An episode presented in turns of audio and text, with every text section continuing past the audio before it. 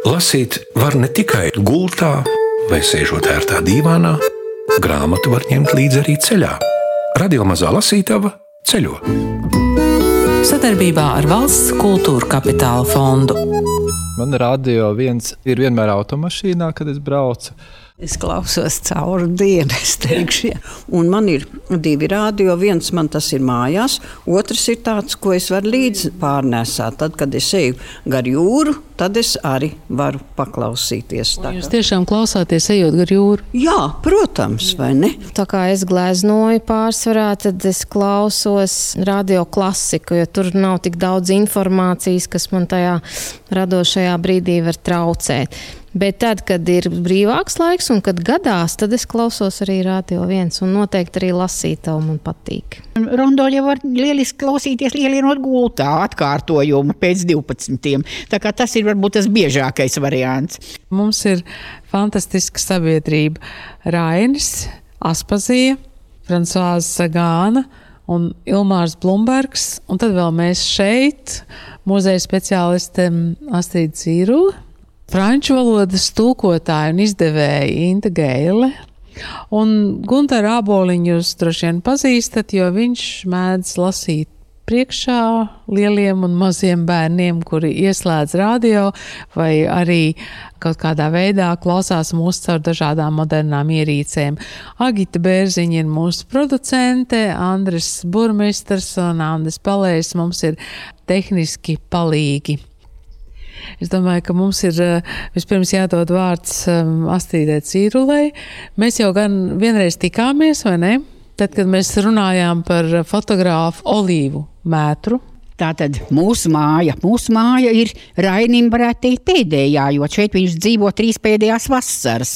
Nu, Aspāzija turpina pēc tam savu mūžu Aspāzijas mājā, tepat jūrmalā. 20. gadi šeit, no 27. līdz 29. gadam. Nu, kas attiecas uz franču kultūru, es domāju, ka Rainis tajā bija diezgan dziļi iekšā. Tādā nozīmē, ka tad, kad viņš domā par drāmas tādu kā tādu virzību, tad viņš liek tādu vienu rindu, ka no antīkās traģēdijas caur franču klasisko Tātad um, viņam liekas svarīgs gan Kornejs, gan Rasins, un viņš tos lasa, protams, un franču valodu ir mācījies skolā un lasa dabīgi oriģinālā arī. Nu, reizēm, ja nedabūna oriģinālu, tad caur vācu valodu tas viss nāk.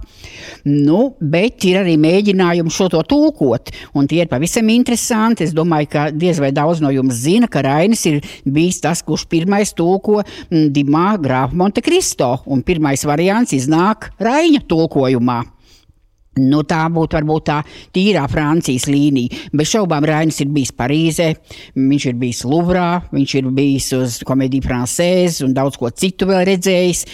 Tie ir diezgan spilgti iespaidi. Nu, attiecībā uz Aspāziju viņa mazāk ceļo tieši fiziski dabā, bet franču kultūra viņai ir ļoti tuva, jo bibliotekā viņa glabā grāmatas par sievietēm Franču revolūcijā. Viņa aizraujas bez šaubām ar Žoržu Sandu, kur ir pavisam interesants tāds viens moments, proti Aspāzība jaunības laikā uzraksta avīzei rakstu par Žoržu Sandu un lepni ierodas iesniegt to redaktoram. Nu, redaktors konservatīvs cilvēks būdams saprot, ka Žoržs Sandi ir tāds skandalos persona un diez vai par to nu vajadzētu avīzē kaut ko drukāt un saka, nu vai tad jūs nevarat uzrakstīt kaut ko nu, par kādu nu, tādu godīgu sievieti un kārtīgu cilvēku, nu vai tad jums tāda Žorža Sanda te ir jāņem. Nu, Aspāzija uztais bēdīgu ģīmi, saka, ka viņa tik daudz darba ielikusi un tā gatava raudāt, bet nu neviens viņu tā neņem par pilnu. Viņa aiziet mājās, nākamajā dienā atgriežas ar to pašu rakstu un saka, ka tagad viņai cits. Nu, par ko? Par Auroru Didevānu. Viņa ir nomainījusi tikai pseidonīmu pret Žorža Sandas īsto vārdu. Nu, tie tādi franču mazi jociņi. Bet runājot par grāmatu lasīšanu, dzinieku lielā personiskā biblioteka šobrīd glabājas Rīgā, viņu Rīgas mājā. Bet lasījis Rainis ir ļoti daudz. Un pats viņš saka, tā, ka viņam prasa, nu, pie kādas skolas viņš gribētu sevi pieskaitīt. Tad viņš saka, ka nē, viņš nevar. Viņš esot izlasījis pārāk daudz. Ja viņš būtu mazāk lasījis, tad viņš varētu tā skaidri norādīt norādīt, ka to un to, bet tagad viņš ir izlasījis tik daudz, ka viņš rīkojoties tā, viņš no katra ņemot to, kas ir viņa stilam derīgs. Nu, tā ir ar to lasīšanas mērogu. Sāka viņš ar indiāņu stāstīņiem par ātzeķi, kas ir viena no pirmām grāmatiņām, kad viņš tikko iemācījies lasīt vācu valodā, protams, vēl. Nu, pēc tam jau seko visi gimnāzijas laiki ar antīkajām valodām, ar Bernhārda Dīriķa, kura pansijā Rainis dzīvo grāmatu plauktu, kuram viņš, kā saka, ir izgājis cauri no viena gala līdz otram. Nu, tā pamazām jau tas viss ir gājis uz priekšu un uzkrājies. Tā kā runa ir par atmiņām un par ievērojamām personām, tad es arī Rainim mēģināju kaut ko par atmiņām sameklēt. Un vienīgā grāņa grāmata par atmiņām ir pa atmiņu pēdām otrā dzimtenē. Un tā otrā dzimtene, protams, ir Šveice, un tā ir Kastaņola. Un tā ir šī Raiņa atmiņu grāmata par Kastaņolu. Kur tad Rainis ir nokļuvis? Signorina Kastaņola. Kastaņola uzrāpusies uz klinsraga kādus 50 metrus augstāk par Lugānu, kur arī pāri jūras līmenim ir jau 276 metru. Kā kapriciozai meitenei šai signorai paticies palāgāt un kāpelēt pa stāvām klintīm, kad tik tās skaistas.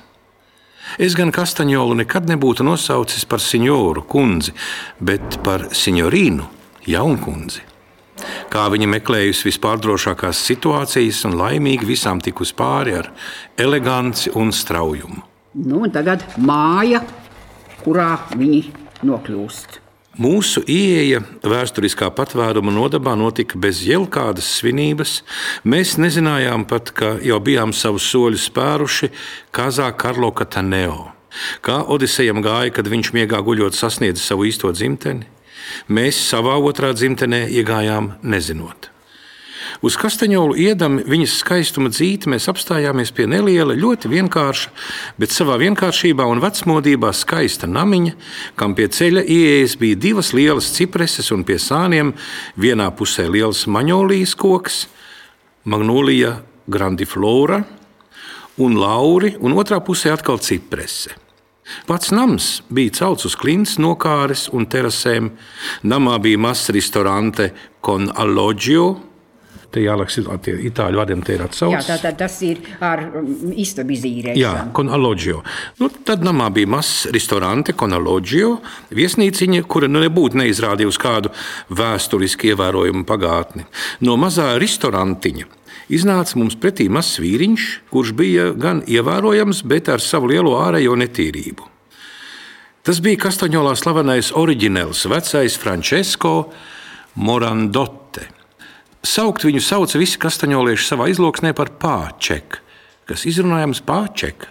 Pāčeka bija ģērbies pelēkās biksēs un svārkos, kuriem bija laiks varbūt atņēmis savu krāsu, bet piedevis zināmu spožumu kā sekas no viņa amata nodarbošanās ar vīno nēro Melnā tas ir tumšsarkanā vīna un olio, olīveļas pārdošanu. Bez minētiem diviem apģērba gabaliem, biksām un svārkiem pārčakam laikam nebija citi gabali mugurā, vismaz kreklis nebija redzams. Toties viņš to dienu, cik atceros, kāda svētku diena, bija uzposies ar melnu kravati, kaklautu uz plikā kakla. Efekts, kādu sasniedza šis kontrasts starp kravati un bezkreklību, bija liels, sevišķi uz Aspaziju, kura pēc šādas pārčeka uzstāšanās uzstāšanās gribēja tūliņ griezties atpakaļ uz Lugānu. Mēs salīgām istabiņu. Paldies! Un tagad mēs pārcelsimies uz uh, Francisku vidi un uh, Frančiskās Sagānas labākajām atmiņām. Es domāju, ka diezgan daudz no mums atcerās tādu mazu grāmatiņu Frančiskās Sagāna. Esiet sveicināti skumjas. Franču valodas tulkotāja un izdevēja Inta Geila ir šeit ar mums. Frančiskās Sagānas, esiet sveicināts skumjas viņas tulkotas, tāpat kā manas labākās atmiņas. Tas nozīmē, ka jums ir tādas lielas, pamatīgas, noturīgas attiecības. Tā varētu teikt. Jo esiet sveicināts skumjas, tas bija mans pirmais darbs. Tas bija mans diploma darbs, kad es beidzu universitāti. Jo man gribējās pārbaudīt sevi, vai vispār es to varu izdarīt. Un uh, viņa uzrakstīja šo darbu 1954. gadā. Protams, es to tulkoju krietnu laiku pēc tam, bet man uh, gribējās salīdzināt, jo bija vecums. Jo viņa rakstīja, kad viņai bija 18 gadu. Vēlāk teica, ka tas ir tāds, varētu būt arī nu, tāda nejaušība, bet tā nebija nejaušība, jo Frančiskā Sagāna ļoti daudz lasīja. Viņa bija agrīna lasītāja. Un uh, bērnībā, Ziemassvētkos, viņa lūdza, lai viņai dāvina naudu. lai varētu nopirkt kaudzi grāmatu. Kad viņai bija 13 gadi, viņas istaba bija pilna ar grāmatām, starp tām Kamīņa, Žits, Prusts, Sartrs. Viņa lasīja arī Mēju, Balzaku, Flobēru, arī Nīči. Tas bija 13 gadu vecumā. Un tāpēc viņa, kad viņai bija 18, uzrakstīja romānu Esiet sveicināts skumjas. Par ko gan viņas ģimene nebija sevišķi iepriecināta, un tēvs teica, kas tev ir uznācis, ka tu kaut ko tādu uzrakstīji. Un viņš neļāva viņai parakstīt šo grāmatu ar viņas uzvārdu, ko reza. Un viņa izvēlējās pseidonīmu Sagāna, un to viņa iespaidojās no kāda prusta personāža. Tāds ir tas stāsts, kāpēc ir sagāna. Kāpēc ir grāmatiņa manas labākās atmiņas? Tas arī ir mazliet tāds interesants stāsts. Rīgā pirms kāda laika viesojos viņas dēls, Denija Vesthofs. Un man bija tā laime vai tā izdevība satikties ar viņu un runāt ar viņu apmēram stundu par sagānu, man bija tāda sajūta, ka es tiekos ar pašu sagānu, jo tās acis bija tās, kas bija sagānas acis. Un tā es arī tā kā skatījos sagānas acīs. Un viņš bija tas, kurš man ieteica šo grāmatu, kas ir uzrakstīta 30 gadus pēc Esiet sveicināts skumjas, kurā viņa vēlējās rakstīt par cilvēkiem, ar kuriem viņa ir bijusi pazīstama, ar kuriem viņa ir daudz kas saistījis. Te ir ļoti interesants, uh, viņa pati šo grāmatu sauc par romānu. Kaut gan tās ir tādas tā kā mazas esejas par šiem cilvēkiem vai par kaut ko, kas viņu interesēja. Proti, arī ātrums. Viņai patika traukties lielā ātrumā pa ceļiem, un tad viņa vēja, koki, un ka tā ir bijusi tāda interesanta sajūta. Un, protams, arī spēle, kas ir kazino, arī tas. Viņi tur arī min savā īstajā stāstā par spēli ko man konsultēja krupjē, jo tur bija tiešām lietas, kuras varēja arī nesaprast, ja tu pats nepiedalījies kazino spēlē. Nu, lūk, un tad ir, protams, lielās personas, Žants Pauls Sartrs, ar ko viņa Sartra pēdējos divus gadus viņa ļoti bieži tikās, viņi kopīgi vakariņoja Lakupālo, un tad viņi daudz runāja par literatūru, par tādām visādām ļoti daudz interesantām lietām, par valodu, par valodas mīlestību un tādas ļoti dziļas sarunas, un te arī ir stāstiņš par Sartru. Ir, protams, viņas atmiņas par teātri, jo viņa arī ir rakstījusi lūgas, ir par Tennessee Viljamsu, par Orsonu Velsu un arī par Sentropēju. Un tad te nu ir līdzība. Mēs esam jūrmalā, Viņai patika jūra, tā gan bija vidusjūra un, protams, arī Normandijas piekraste. Tā kā te ir kaut kāda zināma saistība - atmiņas, grāmatas un jūra. Par teātri. Brīdī, kad vakarklētā gāju ārā no mājas. Brīdī, kad vakarklētā gāju ārā no mājas, Mans suns man līksmi pavadīja līdz durvīm, un pirms es tās aiz sevis atkal aizvēru, viņam uznāca nelabums, kas beidzās uz manas kleitas. Es auļos pārģērbos, bet tā kā kavēju, saglabāju auļus, braucot ar mašīnu, un divi pilsētas seržanti mani apturēja uz krietnu pusstundu. Kad ierados, uzzināju, ka manā prombūtnē komēdija Le Champs-Élysées lifts, kas pārvadāja daļu no spožās Parīzes augstākās sabiedrības, bija atkabinājies un nokritis desmit metrus zemāk, izsvaidot manus ielūgtos viesus uz visām pusēm, un pasliktinot, ja ne veselību, tad vismaz viņu garstāvokli. Izrādes laikā Karstumam palīdzot, kāda dāma noģība un vairākas personas aizmiga. Astoņi varonīgi skatītāji beigās nāca mani sveikt aizkulisēs, un prese vienbalsīgi atsauca savus iepriekšējos apgalvojumus par manu dramatiskā autora talantu. Kā katru reizi šādos gadījumos, kādas divas nedēļas es jautri svilpoju, neveiksme teātrī man katrā ziņā ir daudz stimulējošāka nekā panākumi Nu, ko darīt veiksmes gadījumā, ja nenodurt acis un muļķīgi smaidīt, izskatīties priecīgi un rādot uz aktieriem un režisoru teikt, tā jau nāc mēs, tie ir viņi. Nē, jūs pārspīlējat, priecājos, ka jums patika un tā tālāk. Un tā tālāk. Neveiksmes gadījumā gluži pretēji vispirms ir jāatgādina raudošajai trupai, kas jūs aplēns, ka tas nav pasaules gals, ka čadā stāvoklis ir sliktāks un ka slēgtās durvis, ko piedzīvojām divus mēnešus, ir beigušās. Tāpēc jau nav jānonāk ellē. Un vēl attiecībā pret pārējiem nejaukajiem jūsu neveiksmes iepriecinātajiem draugiem, un ak, vai tādi ir vienmēr saskaņā ar Parīzes dzīves banalitātēm. Ir absolūti nepieciešams radīt labu iespaidu. Teātris likumi saskan ar dzelzceļa un ruletes likumiem. Smaidīt, svilpot, teikt, ak, jā, ir tik slikti vai ne? Ak, jā, nu jā, arī tā gadās. Jūs zināt, ir kaut kas vēl sliktāks un tā tālāk. Lieku reizi pateicoties bezrūpības izrādīšanai, galu galā tos sajūt un trīs piepūles, satraukuma, soļu trokšņa, pārdomu, īstenībā darba mēnešus pārvērst par neko pusotras stundas izrādē. Tajā ir kaut kas varonīgs, traks, netaisnīgs, romantisks, īsi sakot, kaut kas tāds, kādēļ, lai kas notiktu, es nepratīšu atteikties no kazino, tāpat kā nepratīšu atteikties no teātra. Un tas arī ir tas kritērijs, ka tā ir vienkārši ļoti laba grāmata, un tāpēc tā iznāk omnijā mējā. Paldies, te laikam man jāsaka paldies maniem skolotājiem, manai franču valodas skolotājai, zvaigznei, kā mēs viņu saucām, Madame Zvaigzne, un arī manai literatūras skolotājai. Es mācījos tajā skolā, ko šobrīd sauc par Franču liceju. Tā bija Rīgas un Rībāras 11. vidusskola, un tur bija brīnišķīga literatūras skolotāja Gaida Sakula. Tā kā liels paldies viņām par to, ka ir kaut kāda, nu, laikam katram cilvēkam ir tas, kas viņam patīk vislabāk, ko viņš meklē literatūrā, grāmatās. Un, uh, parasti tas, ko es meklēju, es meklēju iespēju domāt. Man gribas arī domāt līdz tam, kas tur notiek, vai veidot jau kaut kādas vēl savas domas par to, ko es lasu, un salīdzināt ar to, kas notiek apkārt, vai arī, nu, es nezinu, man tiešām, man ir vēlēšanās lasot, tomēr arī domāt. Vai arī pēc tam jums arī droši vien ir tāda sajūta, ka jūs izlasāt grāmatu un jums paliek kaut kāda tāda, nu, varētu teikt, pēcgarša, ja? kaut kas paliek tāds īpašs, ja? Tad es laikam to meklēju grāmatās, nezinu.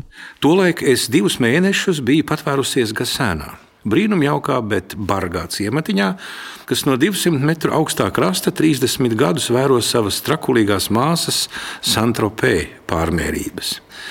Divus mēnešus līja lietus, meža ugunsgrēki un skaļie soļi līdz stūra bistro man vairāk lika justies kā Soloņā, nevis dienvidos.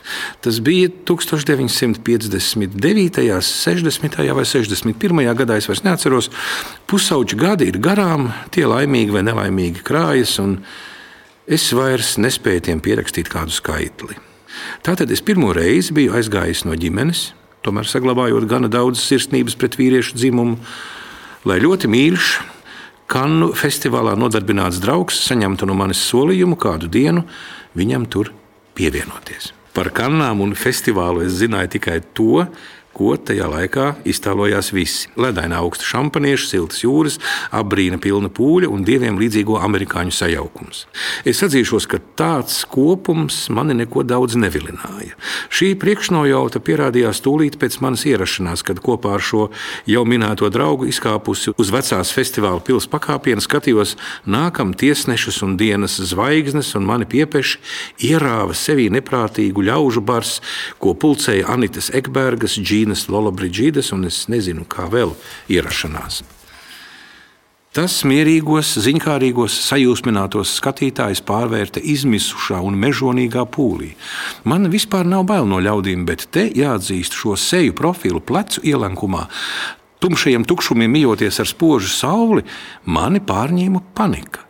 Es cīnījos un gatavojos, kā man teikt, krist pārspēka priekšā, kad kāda vairāk nekā stipra roka izrāva mani no šīs elles, aizveda pa kāpnēm, gaitiņiem un slepenām durvīm līdz darbistabai, kur man ļāva atkrist uz dīvāniņu. Un tad es atklāju, ka šis svētīgais Kingkongs bija arī valdzinošs Kingkongs, jo pat neredzot viņu, es pēc smiekliem pazinu Orsonu Velsu. Ja atmiņa mani neviļ šajā darbistabā, ja neņem vērā dažas festivāla amatpersonas un manu gluži izpūrušo draugu, bija Derils Zanuks un Žilete Greko.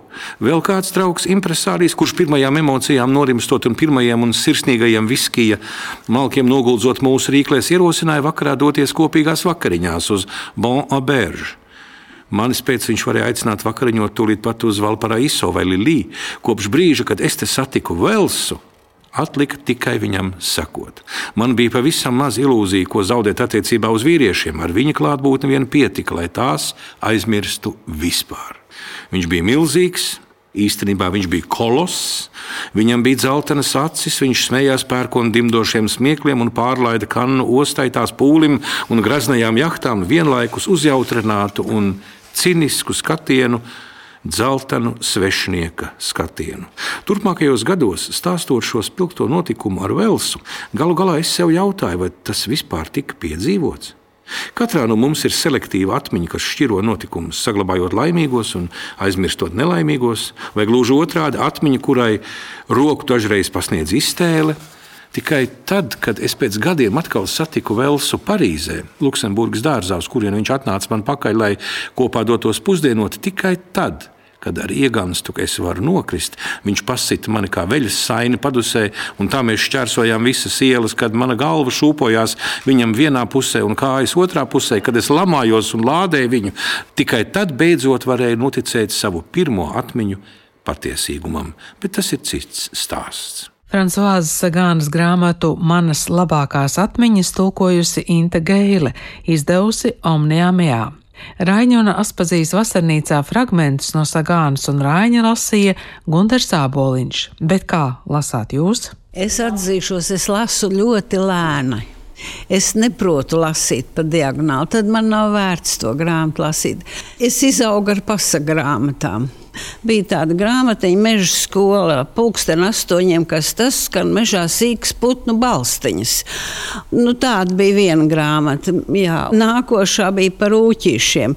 Bija jauki laikos senajos, kad rūķi nāca palīgos, tad slinkot varēja cik tīk un gulēt, kamēr neapnīk. Nu, tie man vēl tur dziļi apakšā ir, un tos es atceros. Kādreiz senos laikos rūķi dzīvoja ikvienā ūķī, līdz ko aicināja tos tūdaļ nāca palīgos simtiem darbu viņa veica. Vienmēr skrēja, vienmēr steidza kopas limus putniņus. Um, ko tur apsēdza, lai dus aizmirstu? Lasīt var ne tikai gultā vai sēžot ērtā dīvānā, grāmatu var ņemt līdzi arī ceļā. Radio mazā lasītava ceļo. Sadarbībā ar Valsts kultūra kapitāla fondu.